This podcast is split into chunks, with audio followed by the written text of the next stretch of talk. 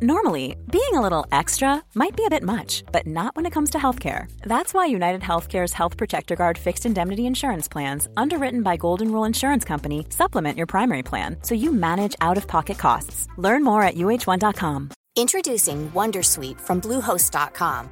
Website creation is hard, but now with Bluehost, you can answer a few simple questions about your business and get a unique WordPress website or store right away. From there, you can customize your design, colors, and content. And Bluehost automatically helps you get found in search engines like Google and Bing. From step-by-step guidance to suggested plugins, Bluehost makes WordPress wonderful for everyone. Go to bluehost.com/wondersuite. Välkommen till Rika Tillsammans. Detta är dagens avsnitt. Allt du behöver veta om buffert. Ja, men det, idag blir det så här en tips och det blir introduktion och det blir lite så här tumregler och frågor så här, varför ska man ha buffert? Var ska man ha den? Hur stor ska den vara? När ska man använda den? Och liknande.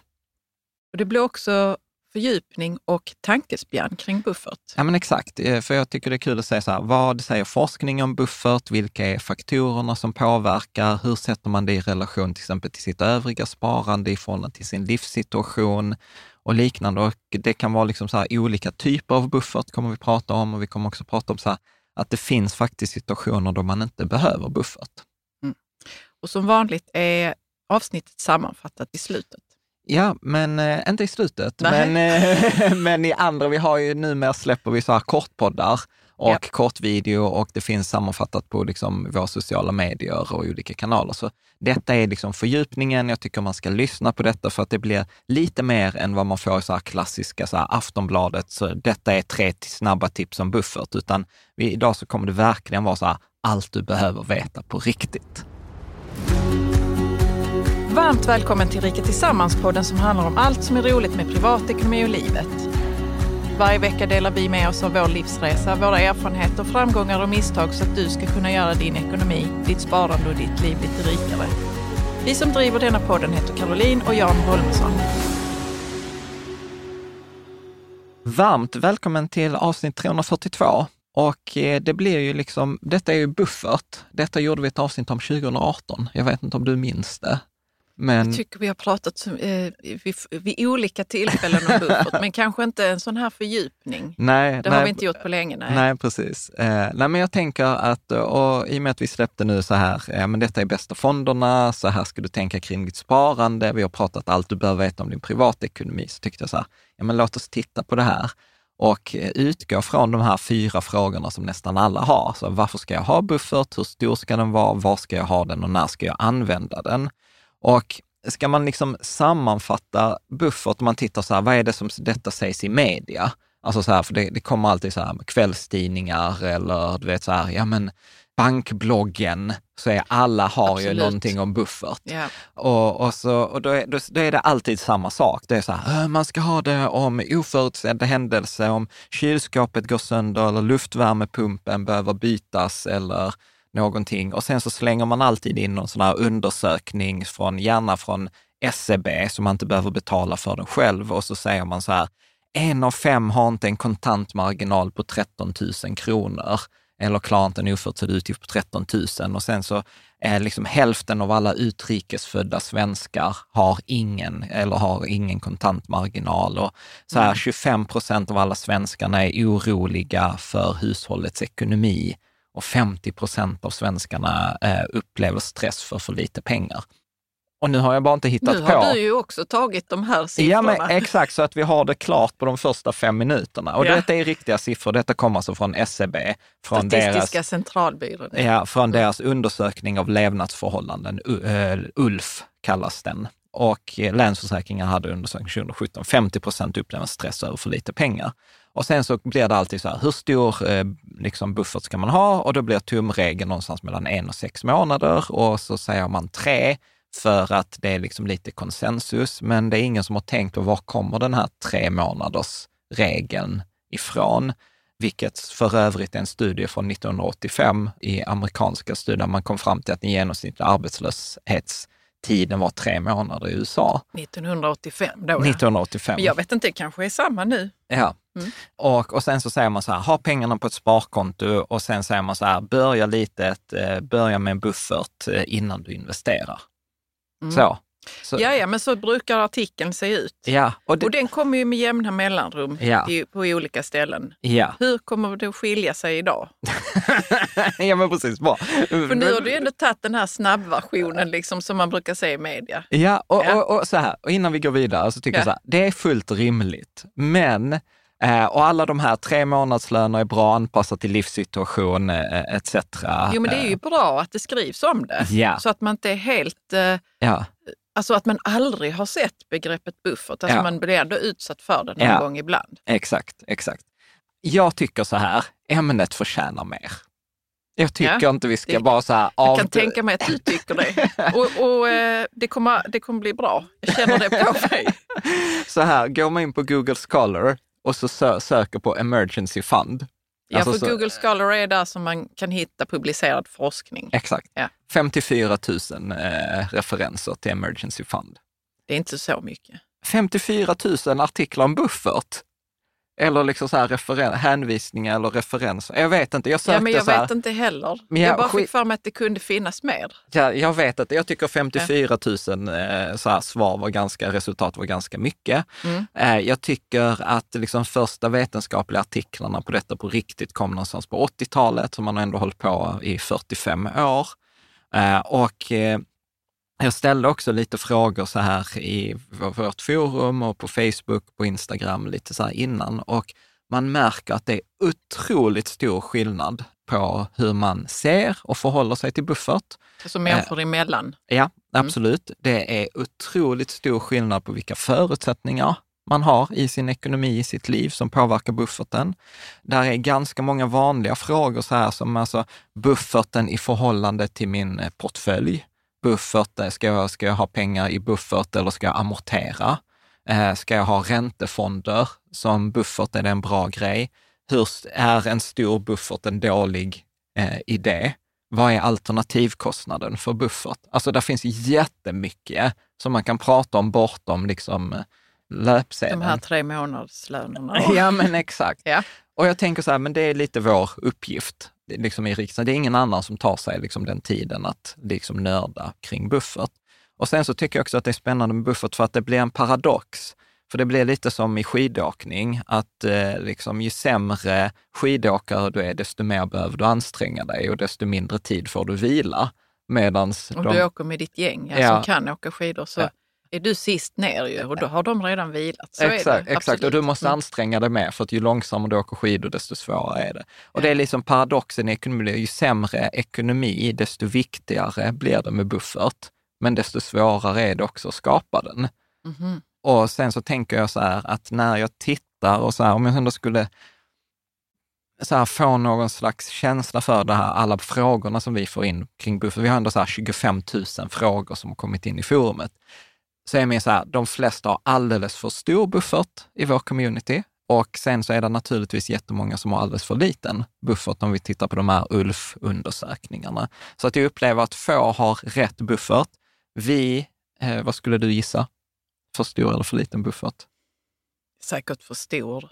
ja, jättemycket. Jag ska säga till och med kanske Eftersom två. jag tänker att du är ekonomiintresserad, du är dessutom en eh, trygghetssökare. Ja, så vi, Så- ja. så, så vi, har, vi har definitivt flera gånger för stor. Ja. Och då ska vi också prata om vad är kostnaden med det? Att det Ja, är du, så, du pratade om alternativkostnad innan och det kanske inte alla vet ja, exakt vad det är. Jag kan inte heller säga exakt vad en alternativkostnad ja, men det är. kommer vi till. Liksom Mm. så här, man kan säga så här i korthet, vad, vad, vad förlorar vi på att ha pengarna på ett sparkonto versus att vi hade haft dem investerade?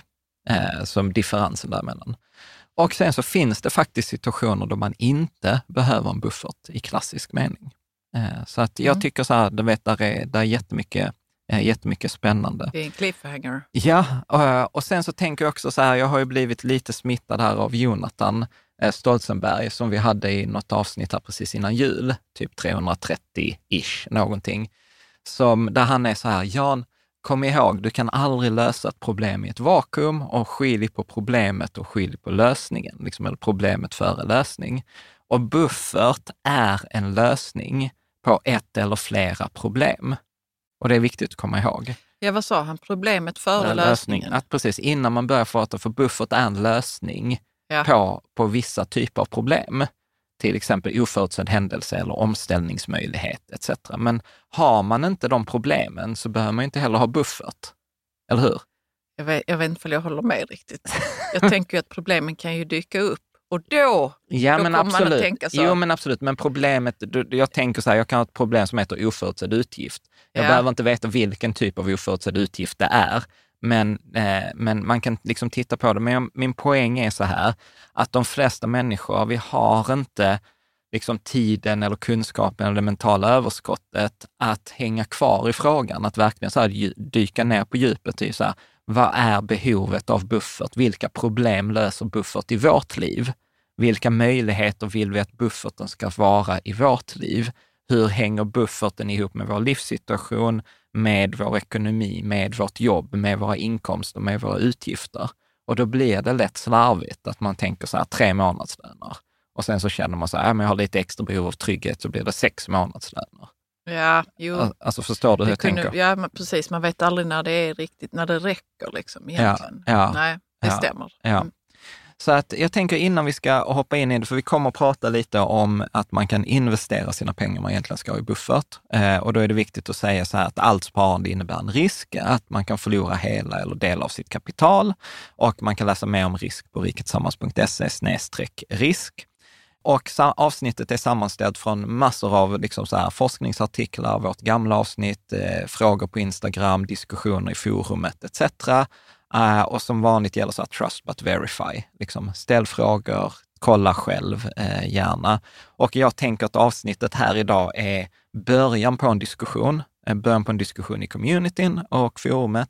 Men det är också en, eh, en början på en diskussion som du kan ha som lyssnar eller tittar med din partner, en syskon, en vän eller en kollega eller någon annan. Så att jag tänker att många gånger är ju våra avsnitt ursäkt för att ha ett samtal. Att man kan säga så, du vet vad, jag lyssnade på detta, detta är mitt guldkorn, eller kan inte du också lyssna, vad tar du med dig? Och så kan man liksom prata om det, så att det Mm. blir liksom ett tillfälle.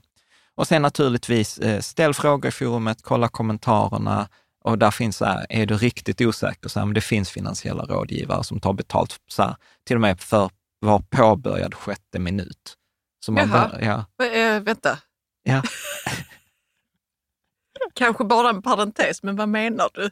Alltså, ha- behöver man ibland bara kanske 12 minuters rådgivning? ja, Jaha, Ja. men det är skönt ju att det kan gå så snabbt. Ja, och, och så tar man liksom, är det, vi, vi kommer ha ett avsnitt om finansiella rådgivare. Ja.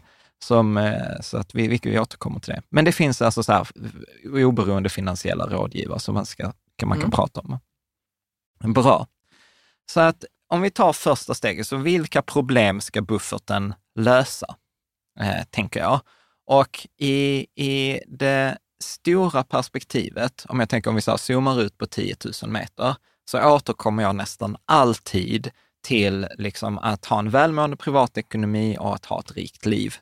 Och, och det handlar om att ha det både idag och i framtiden. Så det är en kombination av detta som vi brukar säga, så här, jag bara tar det snabbt, att jag vill ha trygghet idag, det vill säga jag har koll på min löpande ekonomi, jag har koll på hur mycket tillgångar jag har eh, och vilka skulder jag har.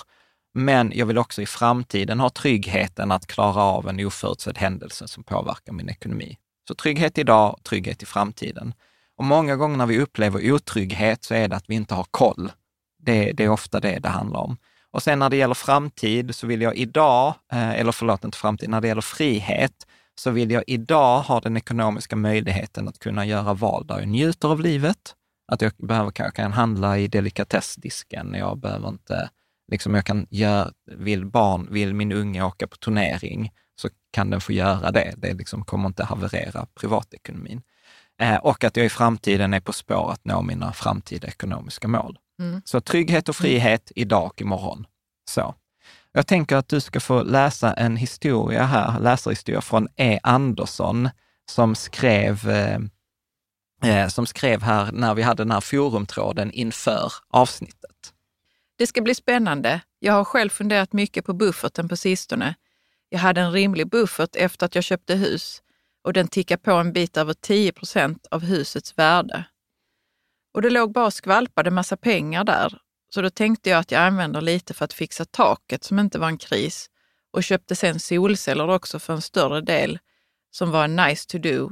Ja, och sen när den låg på marginalen så kom det ena efter det andra, flera oförutsägbara händelser och många bäckar små sägs det. Så i september 2023, efter ett drygt år som husägare, så var det, så var det kontot som alltid haft pengar på sig tomt. Noll kronor. Jag har aldrig känt mig så i hamsterhjulet som jag gjorde då. Jag sov så dåligt att min flickvän trodde jag vänsterprasslade. Förlåt att jag skrattade då, men jag tyckte det var ganska kul. Liksom. Jag sålde av lite aktier och andra prylar och började Blocket jobba för att fylla på hinken snabbt igen, som kändes som om den hade hål i sig. Mitt andra spar var plötsligt hotat. Jag har nu kommit till sans och insett att det kontot kommer ta ett tag att bygga upp igen och har nu lagt om mitt månadsspar till övervikt buffertspar och tänker ha det så i minst ett år. Det i sig orsakar dock lätt FOMO för andra investeringar. Vad tänker du? Jo, men alltså jag tänker också att peng, alltså det är väl ofta man har pengar eh, som ligger där bara, eh, eller ofta, Nej, men de, de liksom, eh, pengar ska rulla, typ. Den känslan att vi kan väl använda dem. Liksom. Mm. Jag kan tänka mig det. Och det här är nog det som alla är rädda för, att de bara tar slut och sen så har man inte dem när man behöver dem. Ja. Nej, Eller jag, vad tänker du? Nej, men jag tänker så här att, att den här bufferten av våra pengar har en så stor påverkan på vårt välmående. Han var så här, jag mådde så dåligt som min flickvän trodde jag vänsterprasslade. Liksom. Ja. Och, det, och, det, och det är det jag menar, att här, detta är också alltid så roligt, för forskare tittar alltid på det så här så superrationellt. Vi är nyttomaximerande, vi ska liksom eh, maximera nyttan av våra pengar över vår livstid. Men de tar liksom inte hänsyn till att det kan vara så mycket stress att ha noll på det kontot, att det går ut över liksom nästan välmående och, och hälsa. Så att, så att jag tänker, om vi liksom hoppar tillbaka till det där, vilka problem ska bufferten lösa? Så tänker jag så här, sova gott om natten. Alltså det är ju någonstans nummer ett, att jag ska inte ha negativ påverkan på min vardag, tänker jag. Och sen så tänker jag också att det ska kunna komplettera ens övriga pengar eller ens övriga sparande. Att kunna då till exempel hantera volatilitet, det vill säga att när, om jag har mina pengar sen i aktieindexfonder, så som vi har pratat om de senaste två avsnitten, så kommer de ju öka och minska i värde över tid. Att det är en volatilitet, att de kan tappa 30 procent när på tre veckor som de gjorde under corona. Och det leder ofta till att vi gör beteendemisstag. Och det är det vi har pratat om i andra avsnitt, att till exempel en genomsnittlig småsparare tappar 30 till 40 procent av sin avkastning till följd av beteendeproblem. Så säg att avkastningen skulle vara 10 procent, då får småspararen bara kanske 6-7 procent istället för 10, för man, man beter sig. Och du kan ju läsa vad Mattias Aniti skriver på forumet. Mm. Är man orolig över sina investeringar på börsen så kan det vara en tydlig signal på att bufferten är för liten. Hellre lite för stor buffert än för liten. Exakt. Så att, så att ett syfte då med eh, ens buffert är att se till att man inte freakar ut. Mm. Eh, verkligen. Men du, jag tänkte på det som han skrev då, han som eh, inte kunde sova på natten. Ja. Han, att det hotade hans andra spar, att han Ja. inte hade bufferten. Och jag kan tänka mig att, då har han liksom ändå varit noga med att, att nu, vi ska inte ta av de pengarna. Ja, ja. Han sålde av lite aktier, men det är nog det supervanligaste då. Om man har ett annat spar, Ja. att man då tar av de pengarna. Ja, exakt. Så att det är väldigt tydligt att, Mm. att bufferten har liksom fler syfte. Ett annat syfte som jag tänker är att det ska öka möjlighetsutrymmet. Eh, att jag ska till exempel, ha då börsen kraschat, ja men då kanske jag kan göra en extra investering. Eller kommer du ihåg eh, när, att, när ibland så dyker bra erbjudanden upp? Som när vi kunde köpa så här globalknivar på ett konkursutförsäljning eh, för halva priset. Det var så här, du kan köpa dem nu, men du behöver betala nu. Ja. Ja. Sen, sen kan jag säga, sen gav jag bort dem till, det är så här Caroline aldrig kommer förlåta mig för. Ja. Eller? Ja, du köpte några andra knivar som, jag inte, som inte låg bra i min hand. Så nu har vi långsamt försökt köpa, köpa globalknivar igen. Ja. Så att eh, man, man kan också säga en buffert är till för när man har otur, när man tänker. Nej, men sen kan det också vara sådana här saker att eh, kunna hänga med på en resa, vara spontan. Ja. Att någon säger så här, men vi ska göra det, eller jag ska fira 40-årsdag, jag vill åka skidor, ska du hänga med? Det kan också vara så här att öka möjlighetsutrymmet att slippa ta dyra kortsiktiga nödlösningar. Tyvärr är det ju ofta så att de som har mest behov av lån får betala mest för dem. ja, Så att jag, det är det man brukar säga ibland, så här, det är dyrt att vara fattig. absolut. Och sen så gillar jag också termen frihetskapital. Mm. Och jag önskar jag hade kommit på den själv, men det är Länsförsäkringar som 2017 kom och hade en kampanj, så de till och med hade en sajt som hette frihetskapital.se. Men den har de tagit bort nu, så jag vet inte. Det är lite synd, Det för är annars så jätte- brukar man ju säga sådär, eh, eller jag vet inte om det är samma, men fuck you-kapital. Ja, men exakt. Jag brukar alltid Så säga... ville de kanske mynta ett annat, Annat som lite, var mer lite pussigt. skönare begrepp. Liksom. Exakt så. Du kan läsa vad Elisabeth Hedenmark, eh, hon skrev vad frihetskapital var. Ja. Enkelt uttryckt, uttryckt är frihetskapital sparade pengar som du har på kontot och kan använda för att avbryta situationer som du inte vill vara i eller säga ja till drömmar som att starta eget eller ta ledigt. Pengar som ger dig frihet helt enkelt. Alltså jag tycker det är så här, alltså it's brilliant. Det är fint det det- där med att avbryta situationer som du inte vill vara i. Ja, eller hur? Eller hur? Nej, och då tänker jag också så här att, att innan så sa vi så här, öka möjlighetsutrymmet. Och en del av öka möjlighetsutrymmet är ju omställningsmöjligheter. Alltså jag ska kunna ställa om livet. Jag vill kunna klara till exempel en arbetslöshet, det som är det klassiska, varför all, nästan alla studier bygger på att buffert är till för att klara omställning vid, arbets, vid bortfall av inkomst. Mm. För att eh, om du blir sjuk eller arbetslös så tar det någon tid liksom, innan du har liksom, anpassat din nivå eller din a-kassa kickar igång eller din eh, sjukersättning eller sjukpenning kickar igång. Men där ska man också så komma ihåg att 30 procent i Sverige får jobb inom en månad, ytterligare 25 procent får jobb inom, fyra, eh, inom eh, sex månader. Så att mer än hälften har ett nytt jobb inom sex månader. Mm. Och en, som någon skrev också så här, en uppsägning vet man ju i regel minst en till sex månader innan. Så att, och ganska många har a-kassa inkomstförsäkring. Så att absolut buffert för att klara en omställning, men glöm inte bort a-kassa och inkomstförsäkring. Eh, för, och det kommer vi också prata lite om, att försäkringar är ett sätt att minska behovet av buffert. För de är ju, en försäkring är ju per definition att klara en oförutsedd händelse. Du försäkrar bort det. Ja. Eller sen så pratar hon också då starta eget eller byta jobb. Men någonting eh, som eh, också är så här, eh, att avbryta en situation du inte vill vara i. Så då skrev eh, Eva U på forumet. Mm. Jag tänker att några ord om eh, fuck off-kapital hade varit bra. Det är ju också en slags buffert för oförutsedda händelser. Att lämna en relation är ofta kostsamt. Att stanna kvar kan vara ännu kostsammare. Ingen rolig sits att stanna i för att man inte har råd att lämna. Många kvinnor har haft det så. Ja. Och eh, här, jag brukar ju kalla mig själv, eller bli kallad för pappafeminist. Eh, liksom. Brukar du kalla dig själv? Nej, inte, det det, är inte, det är inte någonting man kan stoltsera med. Är det inte det? Nej, då har jag Nej, det är det inte Jan.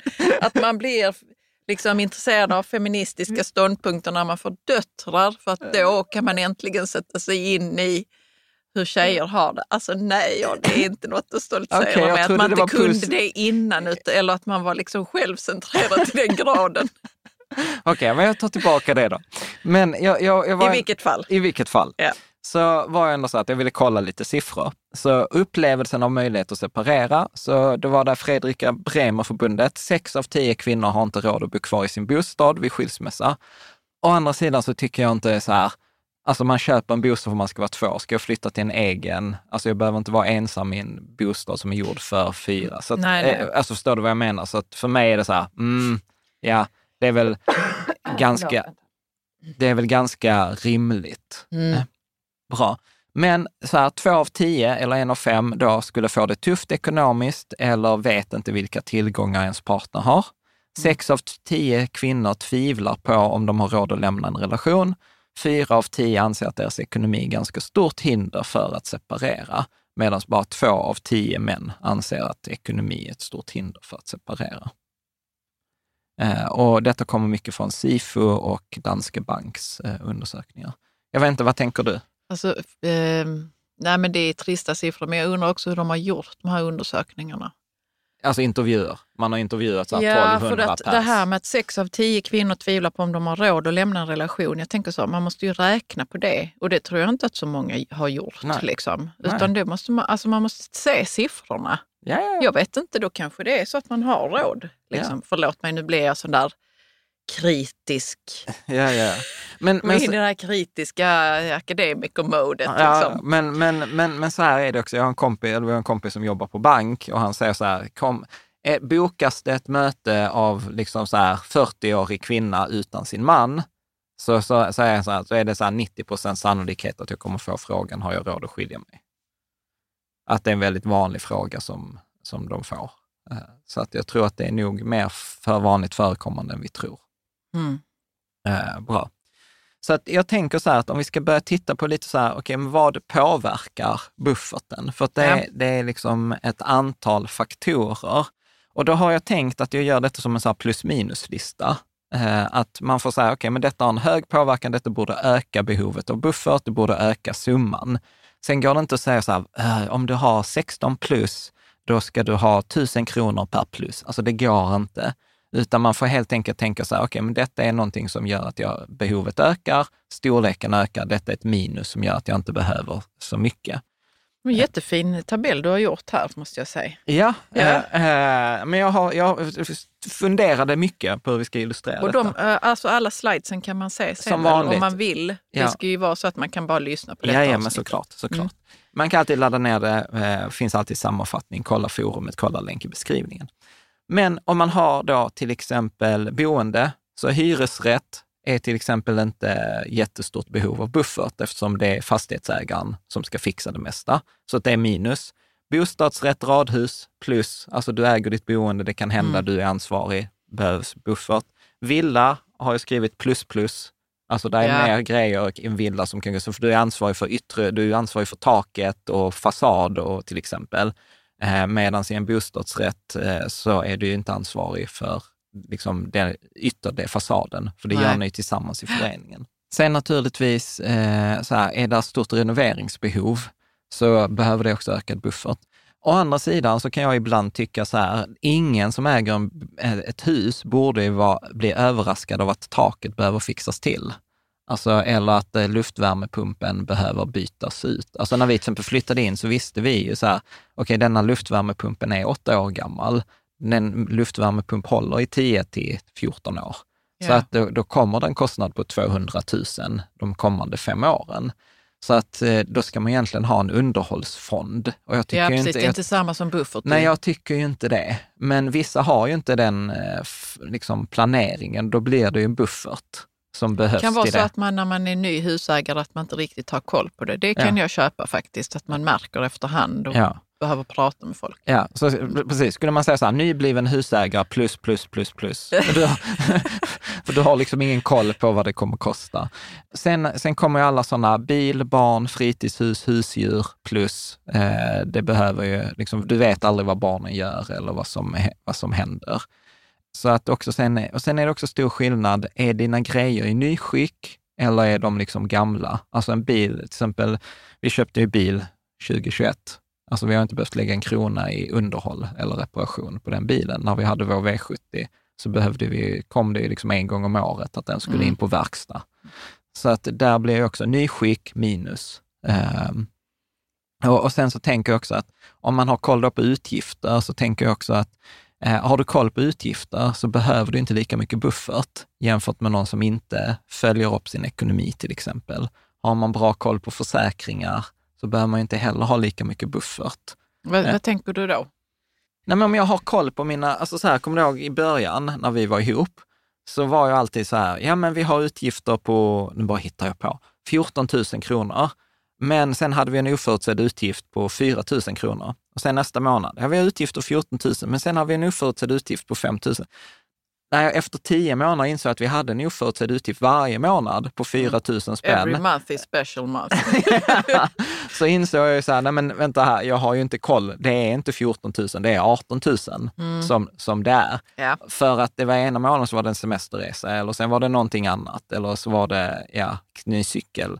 Så att, så att har man koll på sin ekonomi så upplever jag behovet av buffert är mindre än om man inte har koll på sin ekonomi. Så att ett bra sätt att liksom minska behovet är ju att liksom jag byter den här tiden, att jag använder eh, då något verktyg för det. Har jag koll på försäkringar, jag har koll på a-kassa, jag vet eh, vad min inkomstförsäkring, jag har tecknat en inkomstförsäkring, jag har en sjuk och olycksfallsförsäkring eller så här. Ja, men då är också sannolikheten stor att du behöver mer pengar i bufferten för en omställning är ju lägre, för du vet ju om att jag har försäkrat upp 90 procent av min lön i sex månader. Ja, va, då behöver du ju inte liksom en större omställning, för du vet mm. också att ja, jag har försäkrat 90 procent av min inkomst och sen har jag 10 procent sparkvot. Ja, men då kommer ju inte min vardag förändras överhuvudtaget. Mm. Så att så tänker jag lite. Och sen skrev jag också så här, eh, är du en person som är spontan eller du är en person som är så här drulle, eh, har otur, mycket otur i ditt liv, att din telefon trillar i toaletten ja, alltså, och sånt. Ja, precis. Då, då ja. också, men jag tror väl alla känner en sån person. ja, exakt. Nej, men så här, då är det också så här, öka, öka behovet av eh, men tänk om man eh, inte vet att man är en sån person. De brukar inte ha koll på det själva. ja, då, då får... andra får tala om för en att du ja. behöver extra mycket buffert. Ja, men exakt. Mm. Så att man kan egentligen sammanfatta utgifternas påverkan på buffert kan man egentligen sammanfatta så här, att har du mycket eh, passiva utgifter, alltså du har mycket utgifter som du inte kan välja bort, liksom, som är obligatoriska, som återkommer, ja då behöver du en buffert. Har du mycket aktiva utgifter, det vill säga utgifter du kan välja, till exempel en resa är ofta aktivt. Jag väljer aktivt att göra detta. Då kan man ofta i en, i en liksom, vad ska man säga, nödsituation när man behöver dra ner, ja men då blir det ingen weekendresa. Mm. Aktiva utgifter är väldigt enkla att dra ner. Så att där, där bör man liksom titta. Eh, känns det förståeligt? Ja. Om vi då tittar på inkomsternas påverkan eh, på buffert, så tänker jag så här, storleken på inkomsten är ju på någon, på någon nivå. Att om jag har en hög inkomst, ja men då är inte behovet så stort av en buffert, för jag kommer kunna täcka det med mina inkomster. Eh, på samma sätt en låg inkomst behöver liksom sannolikt kräva en större buffert. Sen var det Jonathan då också, vi hade ett samtal, så här fika tillsammans som vi har i Patreon-community varje onsdag. Så hade vi ett samtal om buffert eh, och då kom han också in på så här, ah, men jag har valt att eh, ta mindre buffert för att jag har en hög möjlighet till att göra en temporär extrainkomst. Mm. Så att han är så här, liksom jag, jag är i 30-årsåldern, jag är utbildad sjuksköterska eller liksom utbildar mig till det. Jag finns alltid behov av extra pass, nattpass, eh, semesterpass. Eh, så då kan jag göra en sprint och jobba massor extra om jag då behöver den här bufferten. Så han var så, här, så att mitt behov av buffert är ganska lågt för att jag har en hög möjlighet till att sprinta in pengar på kort sikt. Så att alla som kan ta extra timmar, kan ta övertid, extra jobb, då är behovet av buffert ganska eh, låg. Ja, det, eh, det, är logiskt. Ja. Sen också blir det naturligtvis här, mängden framtida inkomster, storlek på humankapitalet. Har jag mycket framtida inkomster behöver jag inte lika mycket buffert som om jag har låga liksom, framtida inkomster. Alltså att man är äldre? till, enkelt. exempel, mm. till exempel. Eh, absolut en sån grej. Sen också så här, vad är risken för uppsägning? Har jag en hög risk, är jag så här sist in på företaget, kanske lite större behov än om jag har jobbat där i 15 år och det är LAS och jag jobbar statligt. Mm. Alltså så här, risken för uppsägning som lärare till exempel är ju i princip noll. Mm. Och samma sak, vad är risken för lång, långsiktig arbetslöshet? Eh, är den hög eller eh, är den låg? Så är risken för långsiktig arbetslöshet hög, ja då behöver jag en större buffert och vice, vice versa. Bra. På samma sätt, är man frilans eller egenföretagare, då har jag satt plus plus. att eh, det är väl, till exempel, det har ju varit för dig och mig, vi jobbar i samma företag. Det är liksom så här, skulle Rika tillsammans skita sig, då skiter det sig för båda två.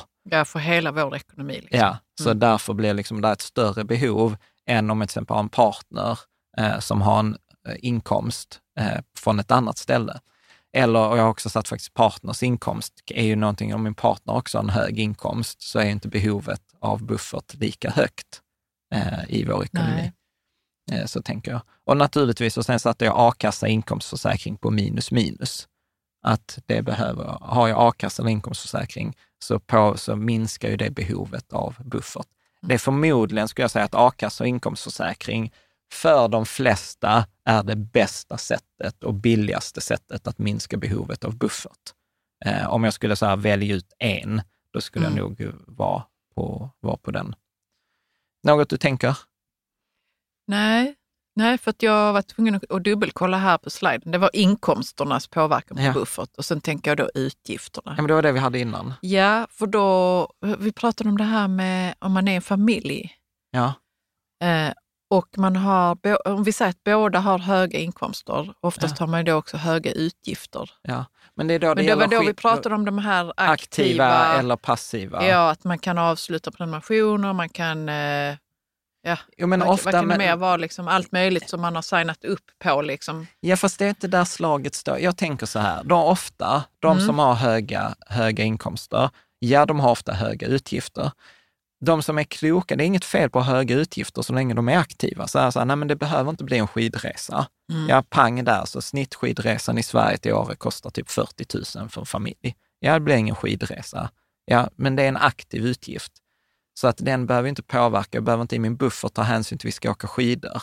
Nej. Eh, liksom, det är inte en buffertgrej, tycker jag. Och, och tittar man på, okay, vad är det vi behöver för att eh, liksom, leva de passiva utgifterna? Ja, men det är ju ränta, det är mat, det är vissa försäkringar, det är kanske barnens aktiviteter. Eh, eh, Ja, mest skrämmande tycker jag ju det är när man har någonting som är som huset ja, som äter pengar eh, och man har anpassat liksom allting efter det. ja, Och sen då om den ene blir arbetslös eller ja, sjuk eller någonting, Mm. Då helt plötsligt så står man där med, med de här kostnaderna som liksom inte går att få ner på något vis. Det Exakt. tycker jag är ganska eh, Ja, jobbigt. exakt. liksom. exakt. Men det är ju det, det, är det som vi pratar om, det är ju omställningsperioden. Ja. Okej, okej, vi räknar med sex månader. Det tar mig sex månader att få ett nytt jobb. Så 60 procent i Sverige får ungefär ett nytt jobb inom sex månader. Mm. Och då kollar jag a-kassa, inkomstförsäkring. Okej, det täcker 80 procent av min lön. Okej, men täcker det, om jag då får 80 procent och du har 100 procent, täcker det fortfarande allt? Det är så man får räkna. Och täcker det inte allt det som saknas, det är ju det man behöver ha i bufferten. Så därför ett resonemang, vi ska komma in på det, hur stor ska bufferten vara? Det är ett sätt som jag brukar rekommendera, det kräver lite tid och lite matte, men det är ju att ta 12 månaders utgifter minus alla garanterade inkomster under den perioden. Ja. Och, och då får du ju så här, okej, men jag blir uppsagd. Ja, men då vet du så här, då är det tre månaders uppsägningstid. Då kan du dra bort tre månader, då är det bara nio månader kvar. Okej, eh, sen de här nio månaderna, då har jag a-kassa och inkomstförsäkring till 90 procent. Ja, då kan jag ta bort, eh, då hade jag nio, då kan jag ta bort åtta månader. Okej, då har vi 0,9 månader kvar. Vad är våra utgifter? Eh, Vad är 0,9 procent av en månadsutgift? Ja, men då är det kanske 20 000. Ja. Ja, men då är det 20 000 som vi behöver för att ställa om. Mm. Alltså, förstår du? Jo, men det är jättebra att vi spaltar upp detta nu. Mm. Och jag tycker du har gjort det bra. Eh, men så kommer jag liksom i kontakt här nu med sådana här katastrofhändelser i livet. Och så, är jag, så blir jag så övertygad så här, men ja, men det är, jag kommer behöva, jag kommer behöva jättemycket i buffert. För tänk om man måste sälja huset och så tar det ett och ett halvt år för det är så dålig marknad och sånt. Alltså du vet, jag kommer i kontakt med sådana här katastrofscenarier Ja. nu. Ja. Är du med? ja, men låt oss Och fortsätta. det är nog bara pausa. för att vi är inne där och rotar. Ja, så det betyder inte att de på något vis har med verkligheten att göra, utan det är Nej. bara så, ah, jag tänker om något skulle hända på den nivån. Liksom. Nej, Nej. Ja, men, låt oss, men vad skulle det då vara? men det skulle väl vara... Eh, jag vet inte. Ja, men, men låt oss säga att våra jobb eh, går i putten. Liksom. Mm. Och vi har ju våra utgifter med huset till exempel. Mm. Ja, då måste vi kanske sälja huset. Låt oss säga det.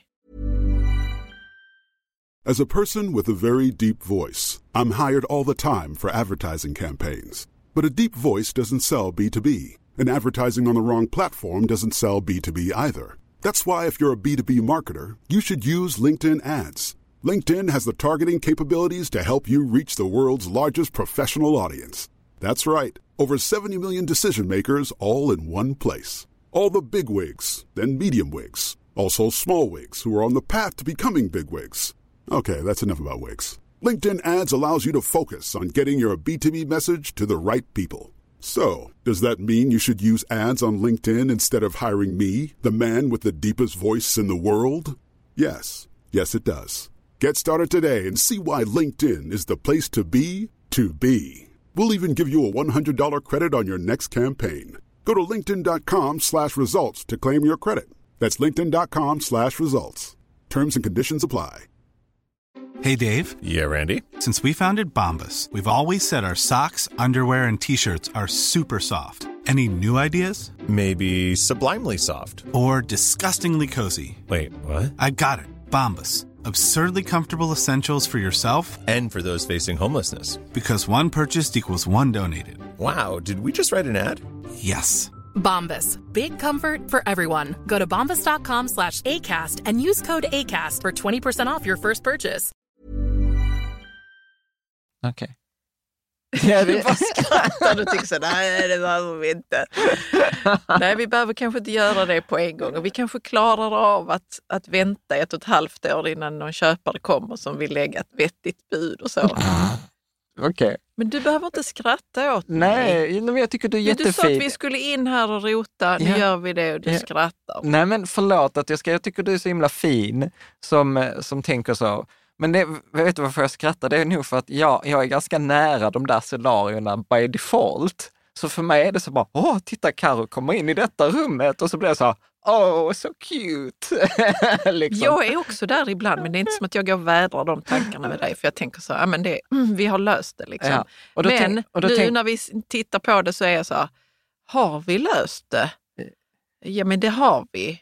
Men Eller så här, det, så här, det, jag, om du skulle dö till exempel, ja. då skulle jag ändå sitta där och undra så, hur löste vi nu det? ja, men då För har... att det är ju du som är mest insatt Ja, och det är helt okej med mig. ja. Och där finns. Excel-filer för allt. Ja. Även, även till och med om jag skulle dö så finns det en Excel-fil med alla livförsäkringar. Är det någonting du rekommenderar? Vadå?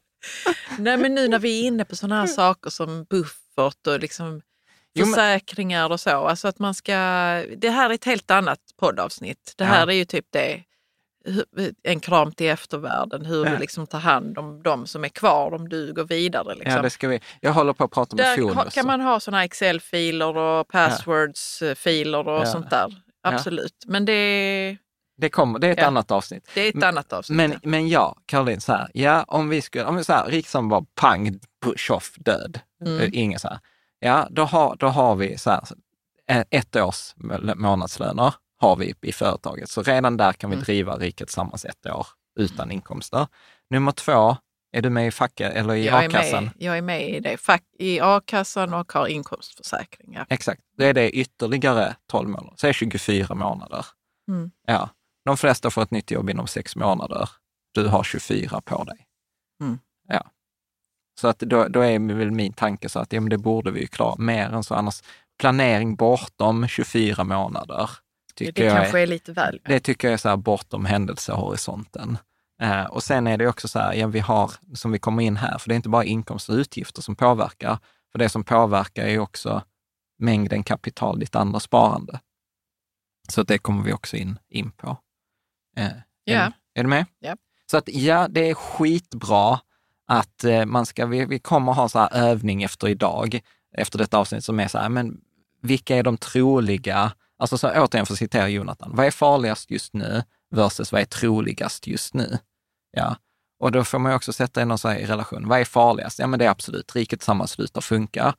Men är det troligt? Ja, Nej, det är inte det är kanske inte troligt. Mm. Men även om det skulle inträffa, har vi en strategi? Ja, vi har 12 månader på oss att du behöver hitta ett jobb, jag behöver hitta ett jobb. Mm. Och dessutom är det egentligen inte så för att vi behöver egentligen bara ha en viss inkomst för att täcka våra passiva utgifter. Är du med? Så att Mm. det är ganska långt innan huset behöver säljas, hoppas jag. Ja. Ja, vi fortsätter. Bra, så nästa grej eh, är här, är risktolerans och volatilitet. Och eh, då har vi liksom satt så att, det vill säga att mitt förhållande till risk och volatilitet, alltså volatilitet är börsens svängningar, att det varierar i värde. Hur är mitt förhållande? Och då är, finns det, hittar jag en fin, nu har jag glömt vilken studie det var, men då har man alltså definierat risktolerans som fyra stycken komponenter, som riskattityd, det vill säga vad är investerarens vilja att anta finansiella risker?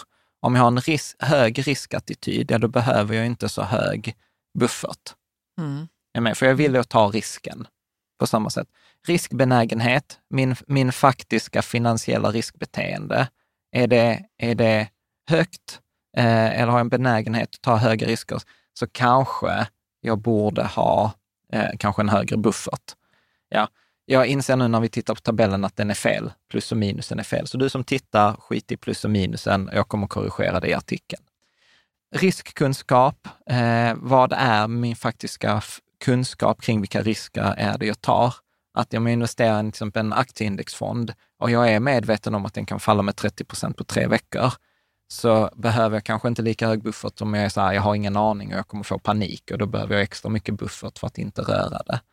Och riskkapacitet också. Okej, okay, vad är de facto min möjliga förmåga att ta den här risken?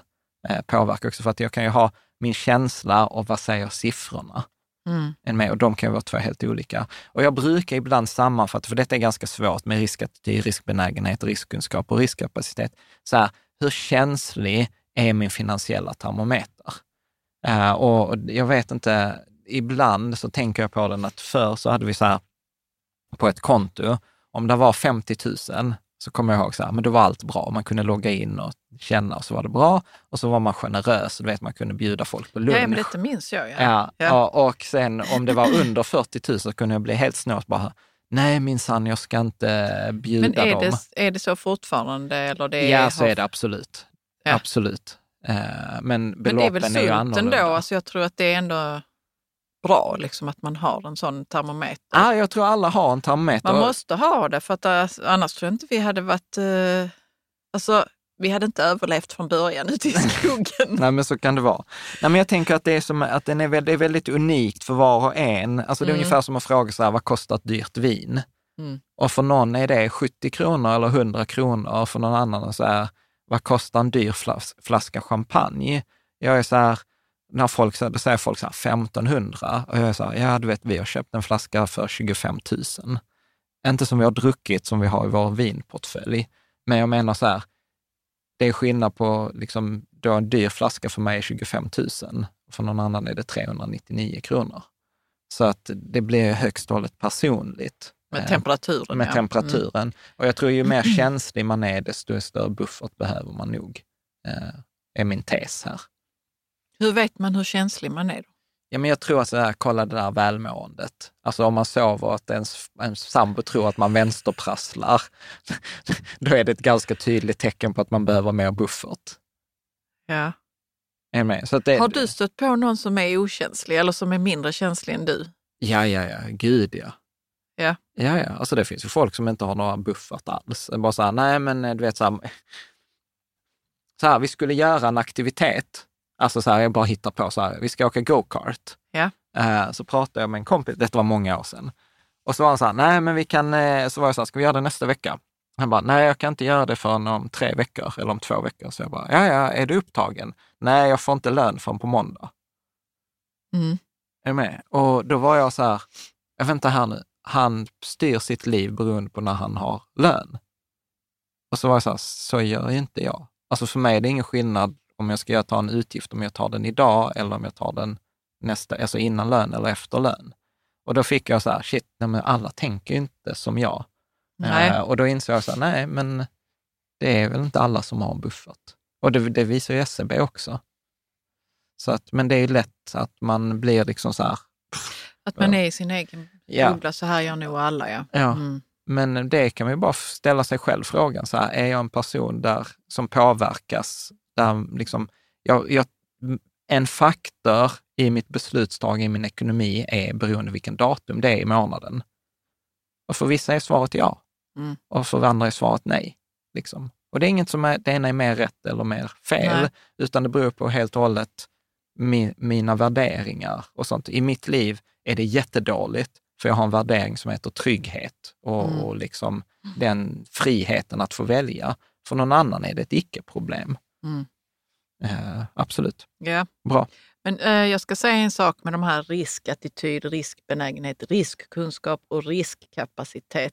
Ja. Så jag visste inte att man kan liksom hamra ut olika, vad ska man säga, delar, Delar. av risk eh, liksom, Ja. Ja, men det, och, och, i stort. Ja, men grejen är så att eh, tittar man på många av de här studierna kring buffert, alltså forskare är jätteroliga. Eh, du vet, där de pratar om det här och där finns, jag läste en studie så här, övertro på egen förmåga påverkan på buffert. Då, då är det Mm. någon forskare som har gjort så här, hur påverkar övertro på min egen förmåga mitt behov av buffert? Och konstaterade så här, nej, för vissa är det liksom positivt, för vissa andra negativt. Sen var det några så här, ja, det rekommenderade antalet månadslöner och då har man också kollat på månadslöner, för man kan inte kolla på månadsutgifter, så då har man kollat på månadslöner. Och så konstaterade man så här, ja, rekommendationen är sex, men typ ingen når upp till tre. Och, det var så, och sen så är det massa artiklar just på det där, beror det där på kunskap? Att folk inte vet? Beror det på liksom benägenhet? Eh, alltså Ja, de måste veta vad det är för någonting och då måste man, ja, vad heter det, eh, undersöka. ja men Eh, också ha ord för de olika sorternas, sorters beteenden. Ja, Men jag, jag måste säga att jag blir helt överväldigad när jag ser de här olika eh, liksom, termerna inom risk. ja. Nej, men jag, jag, jag tänker så, shit alltså, nu måste jag pay attention här. Ja, nej, men jag, jag, nej, men jag tänker så här, ett är så här, vad är min förhållande till risk? Är jag en riskbenägen person, ja eller nej?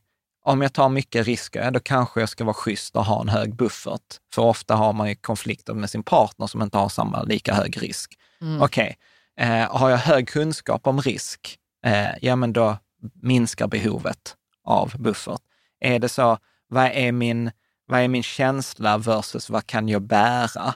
Kanske ofta för många att många har, tar mycket lägre risk än vad de egentligen skulle göra, att de kan bära mycket högre risk än, än vad de bär. Så till exempel vi kan ju bära mycket högre risk än vad vi tar. Ja, Än med? det är så subjektivt. Jan. Jag fattar inte hur jag ska veta vilken risk eh, jag kan bära mentalt. Liksom. Hur känslig är Nej, jag? nej, nej inte, inte bära mentalt, utan vad kan nej, din men jag förstår, ekonomi min bära ekonomi kan bära, men vad var det? Riskbenägenhet, Ja. riskattityd. Jag vet inte vad, hur, den, hur min riskattityd är. Nej men så här, din, då kan jag ju Eller berätta. jag vet att den är otroligt låg. Exakt, det var så här bara, äh, va? Men det är lätt att säga det när det Ja. är högt eller Eller lågt. Ja. Men när man är någonstans där och puttrar Ja. på kanske fyra av tio, man men då- vet inte men- ifall det är fyra Ja men då påverkar det inte. fem. Då är det varken plus eller minus. Alltså det är ingen sån, Nej, det är Men ingen, nu gör jag kanske en höna av ett ägg här. ja du gör Jag en vet hel inte. häst av en... Men det är för att det var spännande tydligen. Ja, Okej, vi går vidare. vi går vidare. Vi går vidare. Bra. Sen har jag skrivit så här, börsens påver- alltså påverkan av börsens svängningar på mitt humör. Är jag en sån som loggar in varje dag för att kolla och så går det upp så, eh, så mår jag bra, går det ner mår jag dåligt. Inte liksom superframgångsrikt, ja men då kanske jag behöver en hög buff, en större buffert. Det Mattias A90 sa i början. Mm. Samma sak, påverkan på mitt beteende på grund av börsens svängningar. Alltså får jag så här, nu har det gått ner, då får jag panik, eller nu måste jag göra någonting. Då är det för många, har ju liksom skrivit i forumet så här, men och när börsen har gått ner jättemycket så tänker jag att det är högriskhinken och sen tittar jag på min, min bufferthink och så ser jag den har ju inte rört sig alls och i bufferthinken är det 100 000. Alltså det är jättemycket. Jag kan ändå göra allting. Det påverkar inte min ekonomi ett skit att högriskhinken har gått ner. Då kan jag lägga mig tillbaka och liksom luta mig tillbaka och somna om. Mm. Med. Så att där blir det också så här, har, har börsens på, svängningar en hög påverkan, hög buffert. Har den låg påverkan, då behöver du inte öka bufferten. Liksom. Oroar jag mig för det här? Ja, men återigen, eh, större buffert.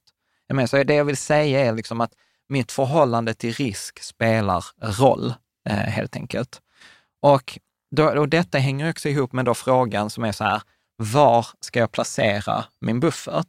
Och här och, återigen, fika tillsammans-samtalet. Alltså, detta avsnitt hade inte varit möjligt utan alla er som har skrivit på Instagram, i forumet, på alla andra ställen. Jag tror också det var eh, Jonathan eller någon annan, han älskar ju risk. Eh, liksom.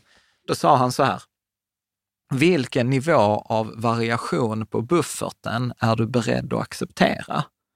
Det vill säga så här, säg att du har 50 000 i din buffert Mm. och du behöver ett nytt kylskåp. Kommer det gå åt helvete för att det då plötsligt är 10% mindre i bufferten? Att bufferten har fallit med 10% i värde och där bara är 45 000? Nej, det tror jag inte. Nej. Nej. Eller hur? Vilket är också så här att där är ju en aspekt där jag kan kolla på variationen på värdet på bufferten. Att jag säger så här, bufferten behöver inte vara 50 000. Bufferten kan vara 50 000 plus minus 10 procent. Mm. Och om jag kan unna mig säga att den är plus minus 10 procent, då plötsligt, för att om jag säger så här, nej, den, den ska vara 50 000 vid alla givna tillfällen, men då har jag bara ett alternativ. Då är det ju bankkontot som pengarna måste vara på. Om jag kan tänka mig variera, att det varierar med liksom plus minus 5 procent. Och nu pratar jag inte så här just nu, början av 2024, när vi har fasträntekonto på 3,75, utan jag pratar ett, en snittvärde då kanske bankkonton är 2 procent. Så att eh, om vi då har 2 procent på bankkonto så kanske vi kan tänka att en kort räntefond, så här typ, ja men en fond som heter någonting räntefond kort. Ja. Eh, ja men en sån varierar plus minus 5 procent. Ja men då kanske jag kan ha pengarna i en sån. Kan jag tänka mig en variation på 12 procent? Att den kan plus, ja det är 50 000 plus minus 12 procent. Ja men då kan jag tänka mig en mixräntefond. Mm. Kan jag tänka mig så här plus minus 20 procent på bufferten? Ja men då kan jag plötsligt tänka mig så här 50 procent räntor och 50 procent aktier. Alltså en medelportfölj på en Mm. fondrobot eller det som vi pratar om basportföljerna i avsnitt 341 eller 340. 340. Mm. Eh, och kan jag tänka mig så här 30 procents eh, variation på värdet, ja men då kan jag plötsligt ta en global aktieindexfond. Och, och då, om jag plötsligt kan tänka mig 30 procents variation på bufferten, då är frågan så här, är det ens en buffert? Behöver jag ens buffert? För- För mig är det nog hur mycket pengar som, som ligger där i. Liksom. Exakt, och precis.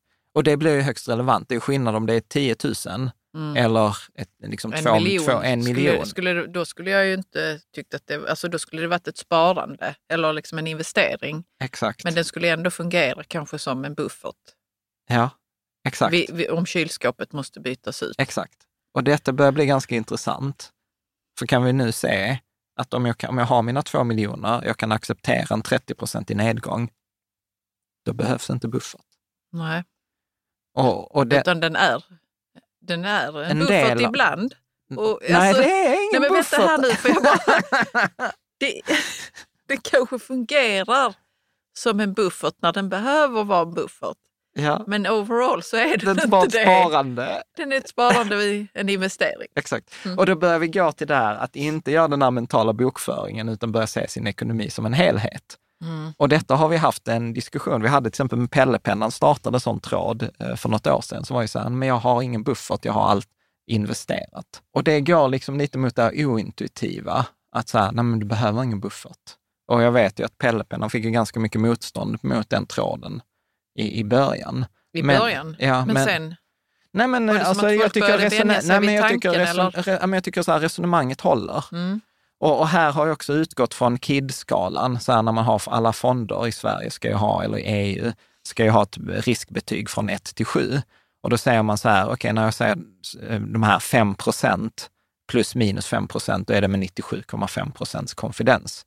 Så att det är inte så garanterat, utan det är, man säger 97 procent av alla fall, så kommer ko- korträntefond gå mellan plus minus 5 procent. Mm. Eh, där. Så att jag tycker också detta återigen också ett intressant perspektiv på, på buffert. Och, och ett ytterligare sån här överkursperspektiv är ju, eh, som påverkar bufferten egentligen jättemycket, men som är lite så här tankespjärnigt att, ja, eh, nu kommer det. att prata om. Jo, men det är så här, min möjlighet och förmåga till att ta lån, till Mm. att ta en kredit. Och jag påstår att möjligheten att ta lån är väldigt underskattad i, i sammanhanget av buffert. Så att där, där, där jag påstår så här, att om jag har ett kreditkort, till exempel som är 50 000 i kredit, 90 dagars eller 60 dagars fri ränta och jag har möjligheten att amortera på det direkt, ja, men då behöver jag inte, då är det ju som att jag har 50 000 på, på det där eh, Ja, kreditkortet. då är det som en buffert. Ja. Mm. Samma sak med konsumtionslån. Givet, alltså du vet alla de här som man säger så här, jättedåliga lån med 15-17 procents ränta. Ja, men har du möjlighet att ta ett sådant lån? Och då vet jag hur detta låter så här, äh, ja nu pratar du så här, behöver inte buffert, du kan ta ett konsumtionslån. Ansvarslöst. Ansvar, Men, men, du, men du with- pratar om bear- att man ska kunna betala av det direkt innan räntan har börjat slå till. På Nej, eller? en- inte ens det. Inte ens det. Okej, En- berätta nu vad du tänker. ja, men, jag är inte med dig längre. jag vill inte ha 17 eller 29 procents ränta gående på, ja. på Hatcher, pengar. Hatcher, år 2000, släppte en studie där, Ja. där han räknade på det här. Jag kommer göra hans räkneexempel. Och då var antagandet så här, du betalar ränta på säg 17 procent Mm. i sex månader. Så 17 procent per år- månad? Nej, Nej 17 procents årsränta. årsränta. Ja, alla... Kom igen Caroline. 17, när, när vi pratar räntor så är det alltid på årsbasis. Ja, men vänta lite, jag kanske har missförstått eh, hur det fungerar. Låt oss säga nu att jag har eh, mitt kreditkort Ja, som har och, 20, 20, ungefär 20 procents ränta, som ett konsumtionslån. Ja. och så är det maxat då.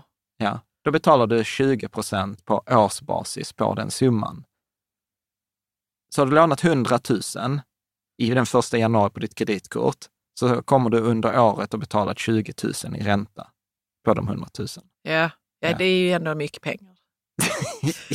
ja, men det är inte 20 000 per månad. Nej, jag trodde det. Nej, Caroline! Men grejen är den att jag aldrig riktigt satt mig in i det. Ja, detta är jättepinsamt nu här i denna eh, eh, podden om ekonomi.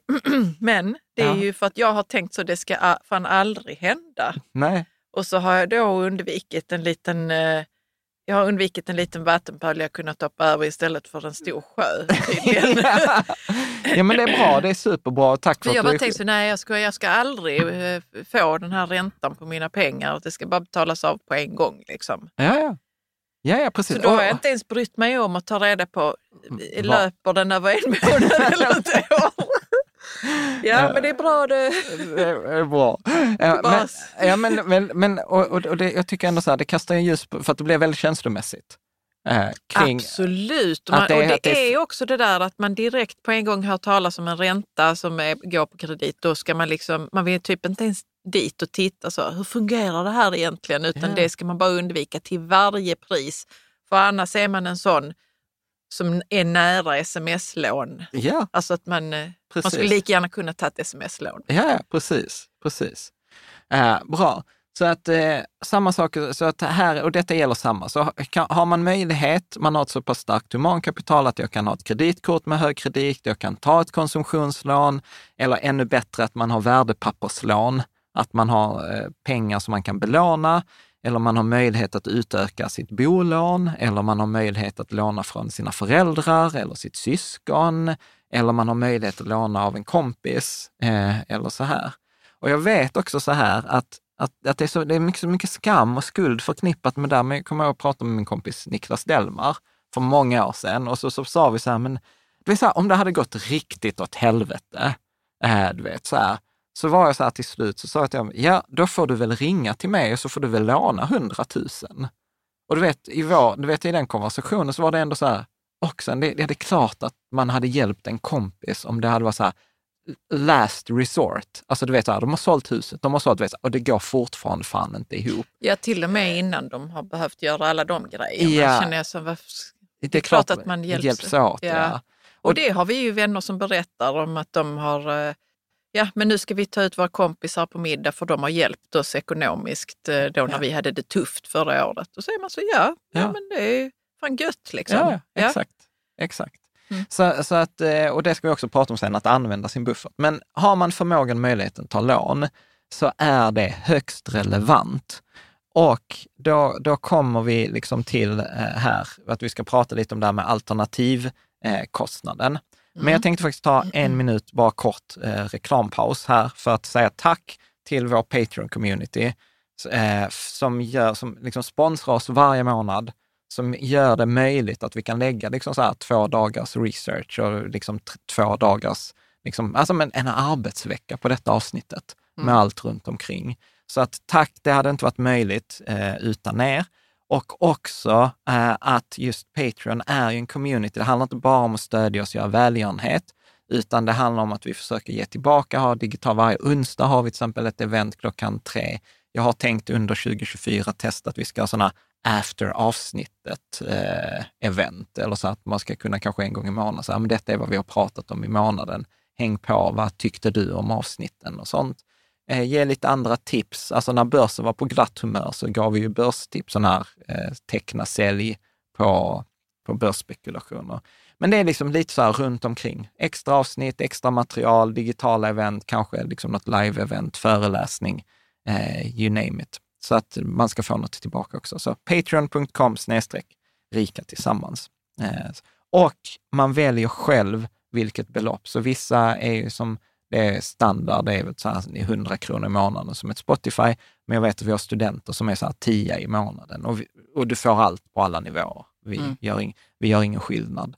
Så att tack och hoppas att det är något som är intressant. Bra. Så om vi hoppar tillbaka, så det här med eh, alternativkostnad. Och för nu ska vi liksom göra, sätta lån i relation till alternativkostnad. För att de flesta har då sin buffert på sitt sparkonto. Och även om man, har, eh, även om man idag har en ränta på sparkontot på säg 3,75 tror jag att det är just nu, där januari 2024, så har vi liksom en kostnad till inflationen, för inflationen är ofta högre än bankkontoräntan. Men vi har också en förlust inom situationstecken till följd av att vi inte har de pengarna placerade i en global aktieindexfond. Mm. Så till exempel pengar på sparkonto under 2023 gav sig 4 procents ränta. Hade du haft global aktieindexfond så var det 20 procent ungefär. Så det är 16 procents alternativkostnad. Så hade det varit 100 000, ja då är det 16 000 kronor vi inte fick för vi hade det på sparkonto än att vi hade det i en aktieindexfond eller fondrobot. Och då kommer vi liksom, vi börjar tänka på det här med alternativkostnad. Så år 2000 så kom en sån här landmark-artikel då eh, av han Charles B. Hatcher, Should households establish emergency funds? Och innan så har folk argumenterat mycket så som vi har argumenterat tidigare, så här, men du vet, känslan etc. Medan han var så här, nej, man borde titta på detta utifrån rent alternativkostnadsperspektiv och vilken ränta kan du låna pengar eh, för? Och då gjorde han en modell eh, som är, nu, nu förenklar jag ganska grovt, men då säger man så här, man tittar vilken avkastning hade de här pengarna kunnat få i ett annat fall? Och då säger jag så här, 7 procent aktieindexfond. Vad är räntan på sparkontot? Och då säger jag så här, historiskt kanske 1-2 ja. procent. Mm. Eh, då har jag ändå varit generös eh, med 2 procent. Och sen sätter vi så här, vilken ränta kan jag låna för? Och här så har vi sagt, så här, men låt oss ta den där skiträntan på 15 procent per år, eh, helt enkelt. Och om vi då räknar om en 15 i årsränta, så sa han så här, men låt oss säga att vi behöver sex månader för att betala av det där lånet. Då kommer du få betala 7,7 procent mm. eh, i ränta på beloppet. Och då kan man sätta upp detta som att, då, som att vad är sann, eh, och koppla det till sannolikheten för att någonting ska inträffa. Och då blir liksom formen väldigt enkelt, så här, ränta avkastning minus ränta för sparkontot dividerat med låneräntan. Så får vi liksom en kvot. Och det fina med de här, så om vi räknar på en, att vi har pengarna på en aktieindexfond eller sparkonto, det är de två alternativen. Vi räknar med 15 procents årsränta för ett lån, alltså typ mer eller mindre ett kreditkort. Då får vi att eh, en kvot som är ungefär 0,66, 0,64,9. Så det betyder att vi, att, något, att vi måste omsätta vår budget, alltså använda hela vår budget i 65 procent av alla år. Hänger med? Att i två av tre år så ska något inträffa. Ja. Att, jag ska, att jag måste använda hela min buffert för att det ska vara bättre att ha pengarna på sparkontot och inte låna än att ha pengarna investerade och ta ett lån för att lösa skiten. Mm. Okej, okay, så jag säger det igen. För, för jag vet att du så här, nu rullar Karo här med ögonen. Jag rullar inte med ögonen. Okej, okay. okay. är du så fundersam ut? Så vad vi räknar fram här är alltså så här, så jag har två alternativ. Jag kan ha pengarna på sparkontot och när skiten inträffar så betalar jag dem med sparkontot. Eh, det andra sättet att tänka, jag investerar pengarna i en aktieindexfond Om skiten inträffar så tar jag ett lån för 15 procent. Mm. Det är de två alternativen jag jämför. Ja, jag förstår det. Och så kommer jag fram till att, okej, hur ofta behöver den här skiten inträffa Exakt. för, ja. för att Mm. sparkontolösningen ska vara bättre än investera plus ta lånlösningen? Och då kommer du fram till, till att det är 65 procents, då 60 0,65. Alltså i, tre, i två av tre år måste skit inträffa där jag behöver använda alla pengarna på sparkontot. Ja, men det kan väl hända. Alltså för man kan ändå tycka så här, men det är osannolikt. Så här Caroline. Ha- jag vet inte. Det beror ju på hur mycket man har i sin buffert naturligtvis. Om man har så 5 000 eller jag vet inte och bor i ett ruckel, ja, då kan det nog hända att det går åt. Ja, Men är du med att, att det beror ju mycket på omständigheterna och hur mycket man har väl? nej, eller? nej, det spelar ingen roll. Gör det inte? Nej, beloppet är ointressant. Det är därför jag inte säger något om storleken på beloppet. För, för belopp är med, varför jag kan skita i beloppet är för att beloppet är samma i båda alternativen. Och eftersom det är ekvation, så länge du gör samma sak på båda sidor får du göra vad du vill. Och då kan du stryka beloppen på båda sidorna. För du behöver bara titta på avkastningen. Mm. Detta är så här superrationellt. Eh, så här. Ja, men det är rationellt, men det är liksom som att jag bara försöker hitta något som säger emot. För att det känns som att det, att det borde vara så att det kan inträffa saker så pass ofta som äter upp hela ens buffert. Precis, men då kan man, det, så kan det ju hända så här, alltså shit, jag behövde handla mat denna veckan också. Nej, Alltså det är här, inte samma nivå, Jan. Nej, men det är lite Men så här, man kan ha men, mycket men, som händer på, ett, du vet, nej, någon, men, men då, jag vet inte. Då har man kanske inte planerat så bra med sitt hus. Exakt. Ja. Då, då är det snarare dålig planering. Alltså så här, oh, nu, nu inträffar att vi ska åka på resa en gång till. Alltså står det bilkostnader som kommer varje år. Det är där som jag skojade om oväntade kostnad. Ja, ja nej, men jag tänkte snarare på huskostnader, att man har koll på att man badrummet ska renoveras inom två år eller man har koll på... Ja, taket det har en Taket livslängd på och- 30 år, eh, liksom, eller 50 år. Så att Nej, absolut. nej, men det är sant, det är sant. Man måste ju först och främst ha koll på vad det är för utgifter man kommer att ha de facto, liksom, Ja. oavsett. Ja. Så detta, är ju, Mm. detta, detta var ju ett, eh, verkligen emergency fund. Alltså hur ofta inträffar mitt emergency? Alltså Ja. det, det, vi pratar inte likviditetsbudget. Eh, liksom. Nej, precis. Okej. Okej, men då, då är det så att man hellre kan ha det i, eh, In- in- investerat. Ja, om man börjar ta hänsyn, de flesta tar ju inte hänsyn till sannolikheten. För att nå, det var ju det som var det breakthrough i hans artikel, var att han Nej. introducerade så här, vi borde ta hänsyn till hur ofta skit inträffar. Men, eh, har du kollat, och jag, jag förväntar mig inte detta Jan, har du kollat sen hur många som har liksom citerat den här artikeln? den förekommer och, liksom, i nästan varenda aff- och artikel. sen liksom kunnat eh, säga så, men vi har testat vår hypotes gentemot den här, vad det är som han skriver. Alltså jag förstår att Alltså, du har gjort det. Alltså Caroline, jag har 60 slides och vi är halvvägs. ja, okej. Nej, jag har inte kollat det, men det är typ den, Okej, en av de den, mest... är, den är stilbildande i alla fall. Det är en av de mest refererade. Gör, läser man andra artiklar som alltid inleder med en sån literature review, Mm. så är det alltid så här, Hatcher 2000 skrev bla bla bla. Liksom. Så att ja, jag tänker inte gå djupare än så. Nej, nej, nej. Eh, bra, så då har jag gjort en uträkning baserat på den här modellen där jag då jämför, okej, så om vi har olika årsmedelavkastningar, till exempel så här 4 procent eh, som är en så här 50-50 portfölj, en aktieindexfond på 7 procent och sen på, liksom på andra axeln så sätter man så här, vad är räntan jag kan låna på? Eh, då, vad, är, vad är den här räntan? Och så har jag jämfört då till exempel Avanzas 1,99 procent värdepapperslån. Så Ja. om jag kan låna för 1,99 procent och jag kan placera pengarna i global aktieindex för 7, 7 procent, då är det alltså, då ska, för att det ska vara mer lönsamt att ta pengarna på ett sparkonto, då ska alltså skiten inträffa fem gånger per år. Ja. Eh, Det låter inte sannolikt. Nej. Om jag istället säger så här att jag kan låna på en ränta på, eh, bolåneränta på säg 5 procent och jag kan jämföra med i aktieindexfond på 7, 7 procents avkastning, ja då ska skiten inträffa två gånger per år. Alltså jag ska omsätta hela min buffert två gånger per år. Mm. Och nu säger jag inte så här, sluta att ha buffert, utan jag bara försöker ge tankespjärn kring att om du inte omsätter hela din buffert, då kanske du har den här alternativkostnaden för din buffert. Det finns kanske ett liksom mer rationellt nyttomaximerande sätt att se, att Ja, se men jag tycker det är bufferten. skitbra detta. Man måste ju räkna på, eh, på det för att kunna säga någonting om alternativkostnad. Ja, och, och framförallt Mm. så tänker jag så här att det ger ju lite perspektiv på det här att buffert alltid är bra. Nej, om du har en bra kreditmöjlighet eller du har en portfölj, säg att du har en miljon och det här 1,99 procents lånet är upp till 10 procent. Ja, men det betyder, har du en miljon sparat, nu fattar jag att det är typ 7 procent av Sveriges befolkning som har en miljon på Avanza, eller 7 procent av Avanzas kunder som har en miljon där.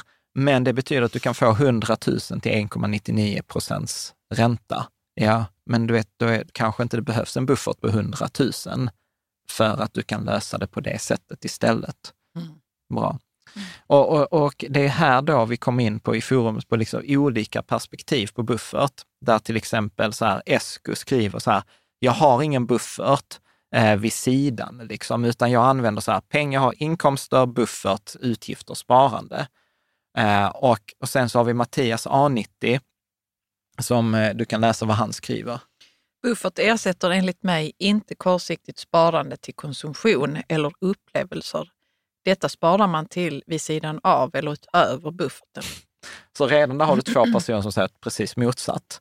Eh, att den ena säger så här, jag har ingen buffert vid sidan, utan jag har bara liksom ett genomgångskonto. Det är som att jag har liksom en, en, en, en hink som liksom pengarna kommer in och sen går det från den hinken till, buff, till, till sparande och eh, investering, eller till, till utgifter och sparande. Och sen säger du Mattias så här, nej du ska ha en hink som står helt bredvid, som är liksom på en annan bank, separerad från din löpande ekonomi. Mm. Och sen hade vi liksom så här, sen kommer Axer i forumet och han, han är så här, ja men man kan tänka på det på, på, som två olika typer av buffert. Att det ena är försvarsbudget och det andra är en likviditetsbudget. Eh, Jag tror du hade skrivit fel där. Vadå? Olika perspektiv på budget. Ja, Men buffert pratar vi om väl? Eller? förlåt, buffert. Ja, för att jag är så... Jag kan ibland säga buffert när jag menar budget. ja, har jag sagt, tvärtom. har Nej, jag nej, sagt du har sagt buffert hela tiden. Men så tänkte jag så, ja, även Jan kan säga fel. Alltså nej, buffert. Ja, då, Ja, jag, ser, okej. jag, jag ser att jag har har skrivit, budget. Men Ja, strunt i slidesen ja, det är där det står buffert. budget. Vi, eh, we don't endorse budgets. Ja, ja, ja, nej, Okej, vi precis. pratar hela Hela tiden om buffert. Här. hur långt tillbaka har Nej, jag jag sagt vet inte. Det var bara den sliden. Okej, ja, vad bra. Mm. Men då har vi då en buffert för oförutsedda händelser. Vad sa han nu? Försvarsbuffert Buffert och, och... likviditetsbuffert. Ja. Mm. Ja.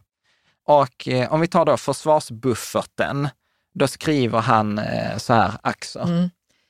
Lågriskinvesterat om shit hits the fan om man inte kan klara den utgiften på något annat lämpligt sätt. Det vill säga, jag kan inte ta lån eller någonting. Då Mm. har jag min försvarsbuffert. Då ska det vara låginvesterat. Ja. Ja, du kan läsa vidare. Har man hus där stora plötsliga utgifter kan komma så kan det behövas. Denna måste inte nödvändigtvis vara så stor att den täcker hela utgiften. Det räcker om den tar ner utgiften till en nivå där den sedan blir hanterbar eller man kan acceptera den på vanligt vis. Eh, denna buffert kan alltså vara mindre än många tror. Har man tillräckligt stort investerat kapital behöver man ingen försvarsbuffert. Tycker man inte uttaget spelar så stor roll, även om börsen just gått ner 50 procent och uttaget från fonderna alltså blir dubbelt så dyra, så fyller försvarsbuffert ingen funktion. Eh, och det är här det när man pratar om att försvarsbufferten kan vara på en annan bank. Så detta är liksom ett, ett perspektiv. Det andra då, likviditetsbufferten, då Ja, kan du läsa. eh, då skriver Axer så här. Det ska vara lättåtkomligt, typ lönekontot. Och här har man tillräckligt med pengar för att klara sin månatliga eller dagliga ekonomi utan att hela tiden behöva föra pengar fram och tillbaka mellan olika konton när vanliga och förväntade utgifter kommer. Dess funktion är bara att göra dagliga ekonomin smidig. Ja, och här kan man ha en, liksom en acceptabel historisk lägstanivå. Så att man säger så här, men jag vill alltid att det står 50 000. Och sen Ja. så liksom rullar man. Det, det roliga är att när, efter att de hade skrivit detta, så insåg jag här, detta är precis så som vi gör. Mm. Att vi har ju en försvarsbuffert som vi har liksom på, på en annan bank. Men sen, och den rör vi liksom inte. Och sen så har vi den här likviditetsbufferten som är liksom vårt e-sparkonto där alla löner kommer in, alla utgifter går till. Och sen brukar jag vilja att där, där ska alltid vara typ 25 000 eller 50 000 så att man, man kan hantera de, de Mm. grejerna. Um, känns det också förståeligt Ja. med, med försvarsbuffert och likviditetsbuffert? Bra. Sen kommer vi till den här också frågan som är ibland så här, ska jag amortera eller använda buffert? Mm. Och Axer är ju verkligen den som nog har tänkt mest på detta i forumet. Så att jag tänker så här, vi citerar honom rakt upp och ner. Gör du Ja. det? Eh, Okej, Mm. då säger han så här, amortera inte, det höjer din risk. Och detta var en tråd som kom efter att jag skrev förra året, att vi valde amortera, kanske inte det smartaste, men det kändes bra. Och han var så här, du har fel både på, på båda ställena. Eh, typ. och, och så skrev han så här, att kunna, att ha förmågan att betala av lånet imorgon om jag så vill, är det som ger mig emotionell trygghet, inte att faktiskt betala den. Poäng till honom. Att pengarna istället jobbar på börsen ger mig mer möjlighet och troligtvis bättre total livsinkomst. Att pengarna är mer likvida känns också som en emotionell trygghet. Ja, också en poäng. Men det intressanta är, börjar vi också, för han, jag gissar att han eller hon är äldre eh, än oss. Medan jag ser det så här, att har jag satt in pengarna ja, liksom på bolånet så kan jag ta ut dem också. Men det kommer ju inte vara möjligt om 20 år, alltså när jag är Nej. 60. Nej, Så just nu så upplever jag så att det är ganska likvitt, vårt bolån. Vi har ju använt vårt bolån ibland som en, liksom en checkkredit.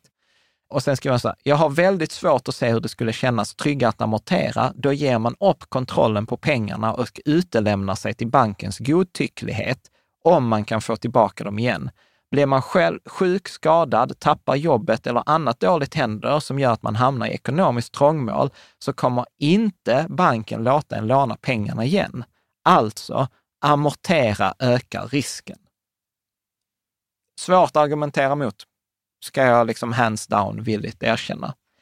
Risken att eh, inte kunna betala räntan känns däremot som obefintlig. Och då tänker jag så här, särskilt eftersom du har en stor påse pengar så kan du använda den stora påsen pengar för att betala räntan under en ganska lång tid. Med nuvarande räntenivå räcker lånebeloppet i sig till över 20 års räntebetalningar utan att ens investera dem eller sätta dem på räntekonto.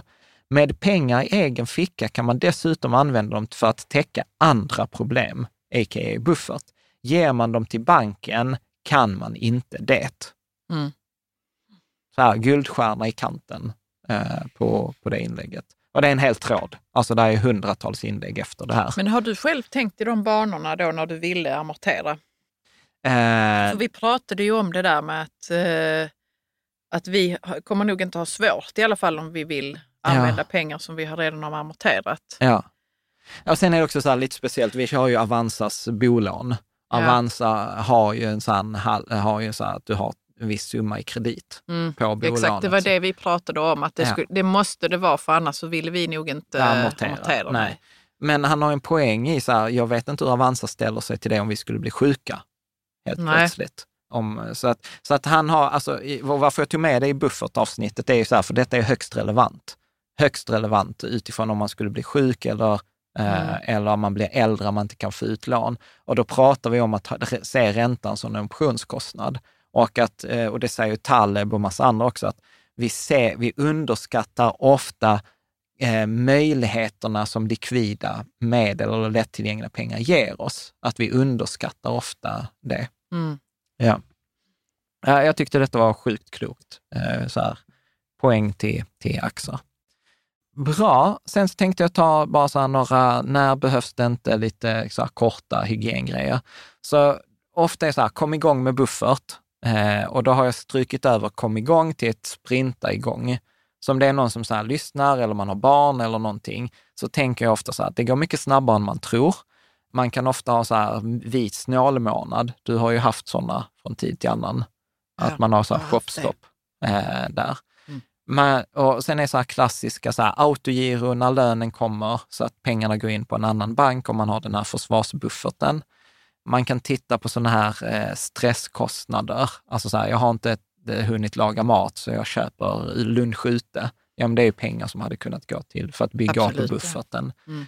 Eh, sen har vi den här sprinta eh, genom att öka inkomsterna, övertid, extrajobb, frilans, blocket, blocket jobba eh, eller liknande. Men det finns, och varför jag tar med det, för jag tycker att det är viktigt även för de som kanske inte har en så god ekonomisk situation, så finns det en jättefin princip som heter så här save more tomorrow. Att du sparar, ja, men du, jag har ingen möjlighet att spara nu, men om jag får en löneförhöjning eller om jag får en present eller om jag får en skatteåterbäring eller liksom så att jag sparar mer av den kommande framtida ökade inkomsten. Så det är också en sån grej man kan hjälpa folk i en tuff ekonomisk situation. Så här, nej, du har inte råd att spara nu, men du kan spara mer imorgon. Ja. Eh, och sen också så här, be om hjälp, tänker jag. Och här så är jag också, eh, tänker jag att jag brukar ju alltid säga så här, man ska först spara till buffert innan man börjar investera. Men sen läste jag en, en av de här studierna, så sa de så här, ofta hänger en buffert ihop med ett bra finansiellt sparande. Att de som har stora buffertar ofta andra höga finansiella sparanden. Och då, då, då var det också, apropå det här med beteende, att det är skittråkigt att spara till en buffert. Ja. Att, och då tänker jag så här, om, om eh, det gör att jag inte kommer spara långsiktigt för att det är tråkigt för att spara till en buffert, då är jag så här, nästan skit i spara till bufferten och spara långsiktigt. För då kommer ändå ofta beloppen vara så små, så att det är viktigare att komma igång med, med vanan Ja. än med beloppet.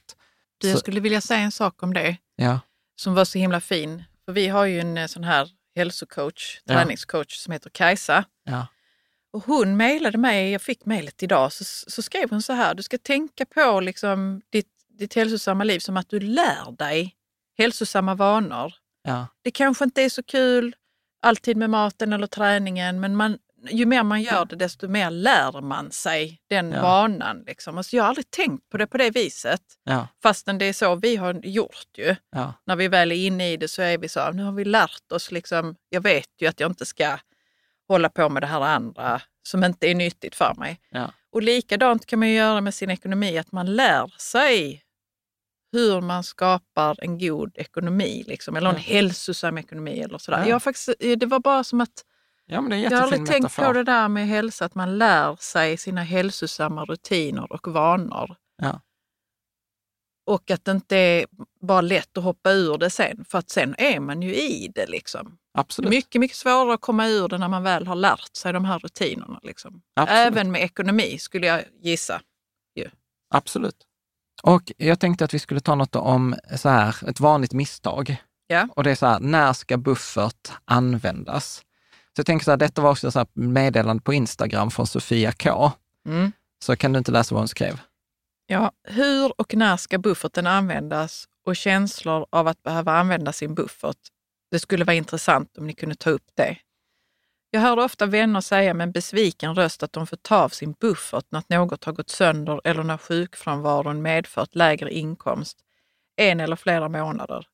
Som att det inte är så, man inte är en så bra person då om bufferten behöver nallas på. Jag kan ibland känna igen mig själv i det. Istället för att känna glädje och stolthet över att det finns en buffert att ta av. För det finns ju en stolthet när man har sparat för att kunna köpa en sak, åka på en resa etc. Egentligen är det ju samma sak med en buffert. Alltså känslor kring att man har en buffert, spara till en och sedan använda sin buffert. Det skulle vara intressant om ni tog upp. Mm. Jag tycker detta är jättebra. Jag hade också Ja, det- jag tycker också det var fint skrivet. Ja, jag hade ett samtal med, eh, med Niklas då, min kompis. Och också så här, när, när det var tufft, så här, corona och liksom alla uppdrag försvann och allting. Och han bara så här, äh, det är bara... Så jag, men har du använt bufferten? Han bara, nej, nej, den får man ju inte använda. jag var bara så här, det är corona, det är nu om något du borde använda bufferten. Så jag kan helt relatera här till Sofia, eh, då Koppa, eh, hennes eh, till hennes inlägg, för att Ja. det är väldigt, eh, då, väldigt vanligt sätt. Och jag tänker så här, den ska ju användas. Det är klart Mm. att den och den säger, alltså så här att här bör man vara kanske lite mer så här excellig och eh, rationell eh, och, och tänka så här, nej men jag har en plan för att använda, an, bygga tillbaka den, att Mm. fylla på den igen. Så att, Ja, och som hon säger då att man ska vara stolt över att man har en buffert som Ja. man kan Ja. ta ifall sjukfrånvaron har varit hög eller något annat. ja, Vi tänker inte så ofta på det. Nej, och Nej, det är alltså jättebra buff- poäng alltså. Bufferten är ju till för, alltså så här, också läser man de liksom, vetenskapliga artiklarna så pratar de mycket om sån consumption smoothing. Att så här, Mm. okej, när dina inkomster under en period blir lägre, då använder du bufferten för att eh, få upp det till den nivån, till den här lagom nivån genom livet. Är dina inkomster högre under en period, då använder du en del av dem genom att du har inte så hög konsumtion som du skulle kunna ha och du fyller på ditt sparande. Är du med? Så att det handlar om så här, alltså smoothing.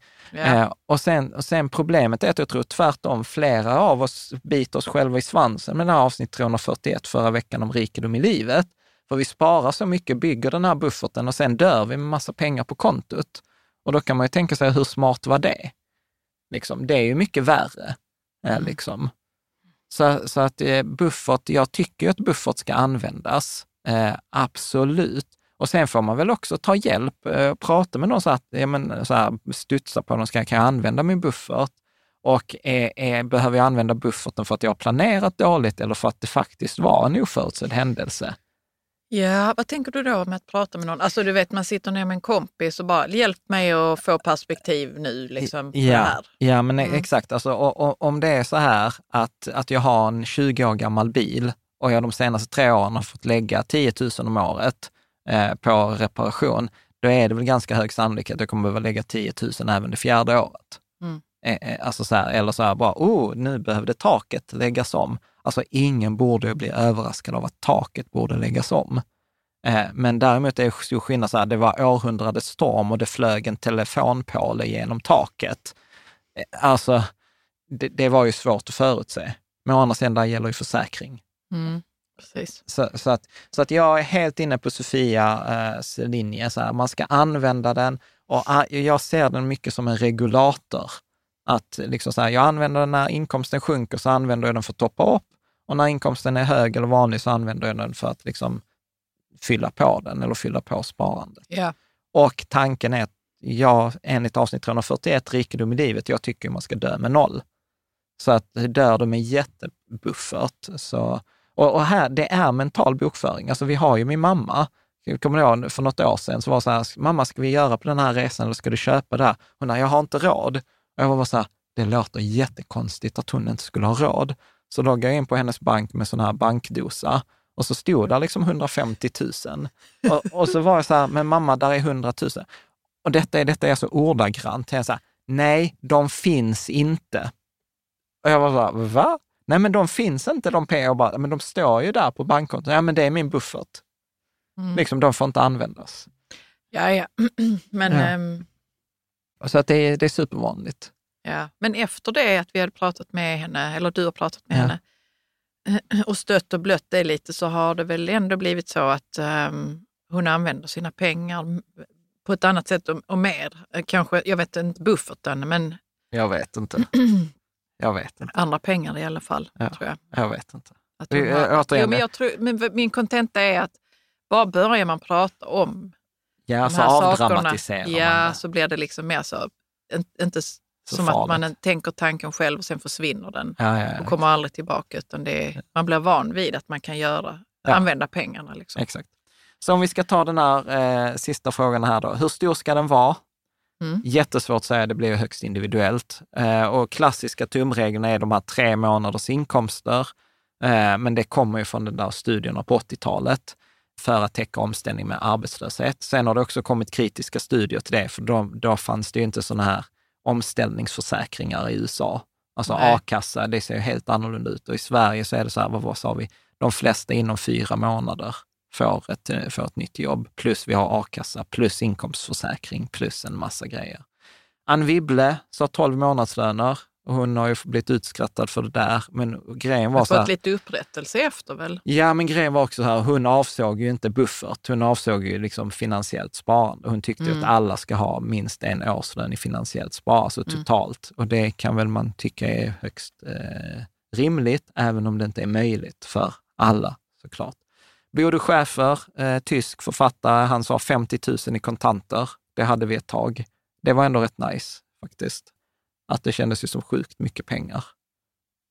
Ja, detta var länge sedan. Ja, det var innan de nya 500-lapparna, för jag fick gå till banken med dem och vara så här världens skurk. Bara så här, vad har du fått? Har du? Jag bara, eh, jag har sålt bil. Och bara, nej, alltså jag har haft dem i buffert. liksom. Men, ja. eh, men det, ja, du fick inga hurrarop på nej, banken. det fick jag inte. Nej. Eh, Jag gillar ju den bästa, jag gillar ju så här fyra hinkar-principen, 12 månaders utgifter minus garanterade inkomster. Eh, Och där kan Att man också, räknar ut det för sig själv. Ja. ja, och, och där kan man också då ta bara de passiva. Så vill man göra detta så egentligen 12 månaders passiva utgifter minus alla garanterade inkomster. Då har man ju ekonomisk trygghet. Mm. Så att, eh, men det kräver lite jobb. Eh, Så att jag landar väl någonstans i att där vi började, att den minst dåliga tumregeln är väl förmodligen fortfarande tre månaders utgifter eller tre månadslöner, om man vill ha det väldigt enkelt. Och givet eh, att det inte funkar för alla, men också här, att kom ihåg det vi pratade med lån, att den kan vara noll faktiskt för att du har möjligheten att låna, du kan ha en stor portfölj etc. Och, och då kommer vi in på detta då, när behövs inte bufferten i, den, i, i, i, med, i avseendet försvarsbuffert? Ja, den behövs inte om du har en stor likvid förmögenhet eller portfölj.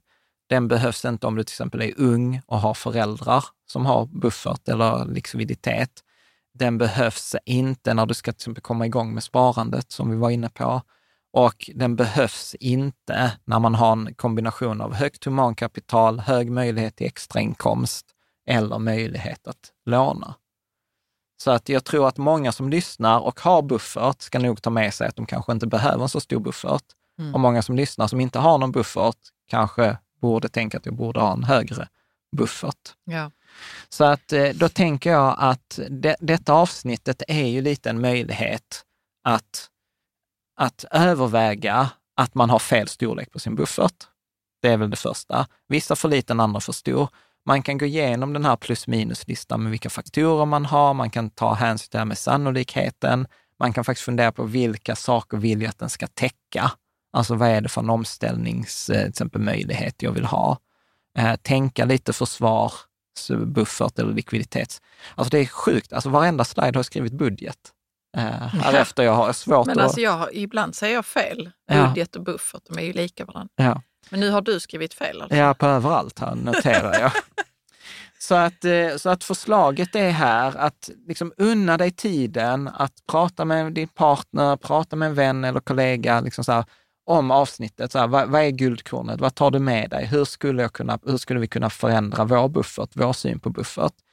Sen eh, om man vill så kan man ju stresstesta sin ekonomi. Mm. Alltså så här, vad händer om man blir arbetslös? Eller vad händer om eh, eh, jag skulle bli uppsagd? Hur lång uppsägningstid har jag? Eh, och så titta ja men då har jag a-kassa, ja men då skulle det hända. Okej, om eh, jag skulle bli sjuk, vad händer då? Ja, om, om taket skulle behöva så renoveras, ja men då kanske vi lånar upp på huset. Hade det kunnat gå att låna upp på huset? Ja, det hade gått. Alltså som man, så här, militären gör war games. Ja. Man hade kunnat Man göra gör sådana... ett eget wargame. Ja, så här, Jag tycker e- det låter fantastiskt. som privatekonomi-game. Och sen tänker jag så här, kolla på forumet, kolla vad andra skriver, ställ en fråga, dela med dig av dina eh, guldkorn, Mm. helt enkelt. Mm. Bra, det var ett lite längre avsnitt idag. Ja. Vad tänker du? Vad tar du med dig?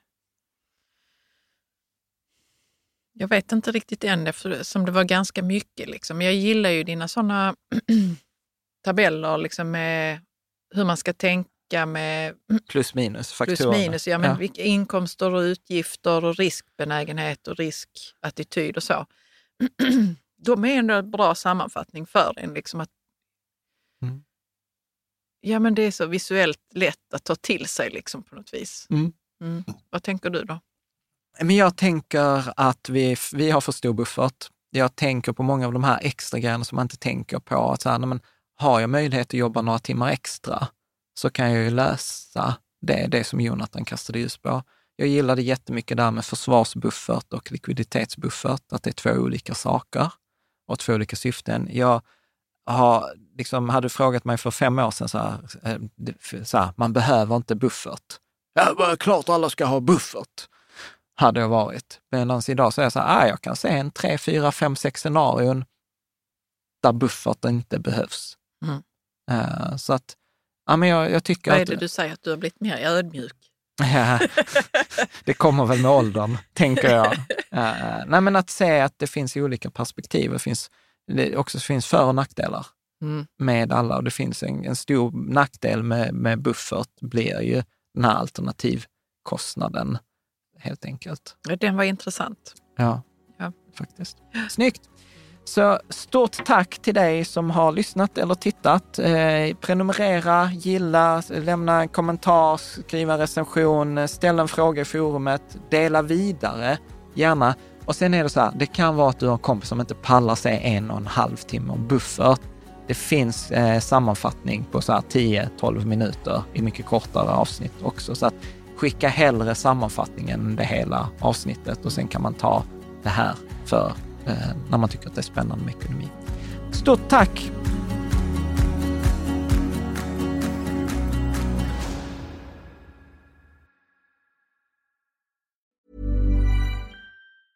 This year, build your credit history with the Chime Secured Credit Builder Visa Credit Card. No credit checks to apply. Get started at chime.com slash build. The Chime Credit Builder Visa Credit Card is issued by the Bancorp Bank N.A. or Stride Bank N.A. members FDIC. Chime checking account and a 200 qualifying direct deposit required to apply.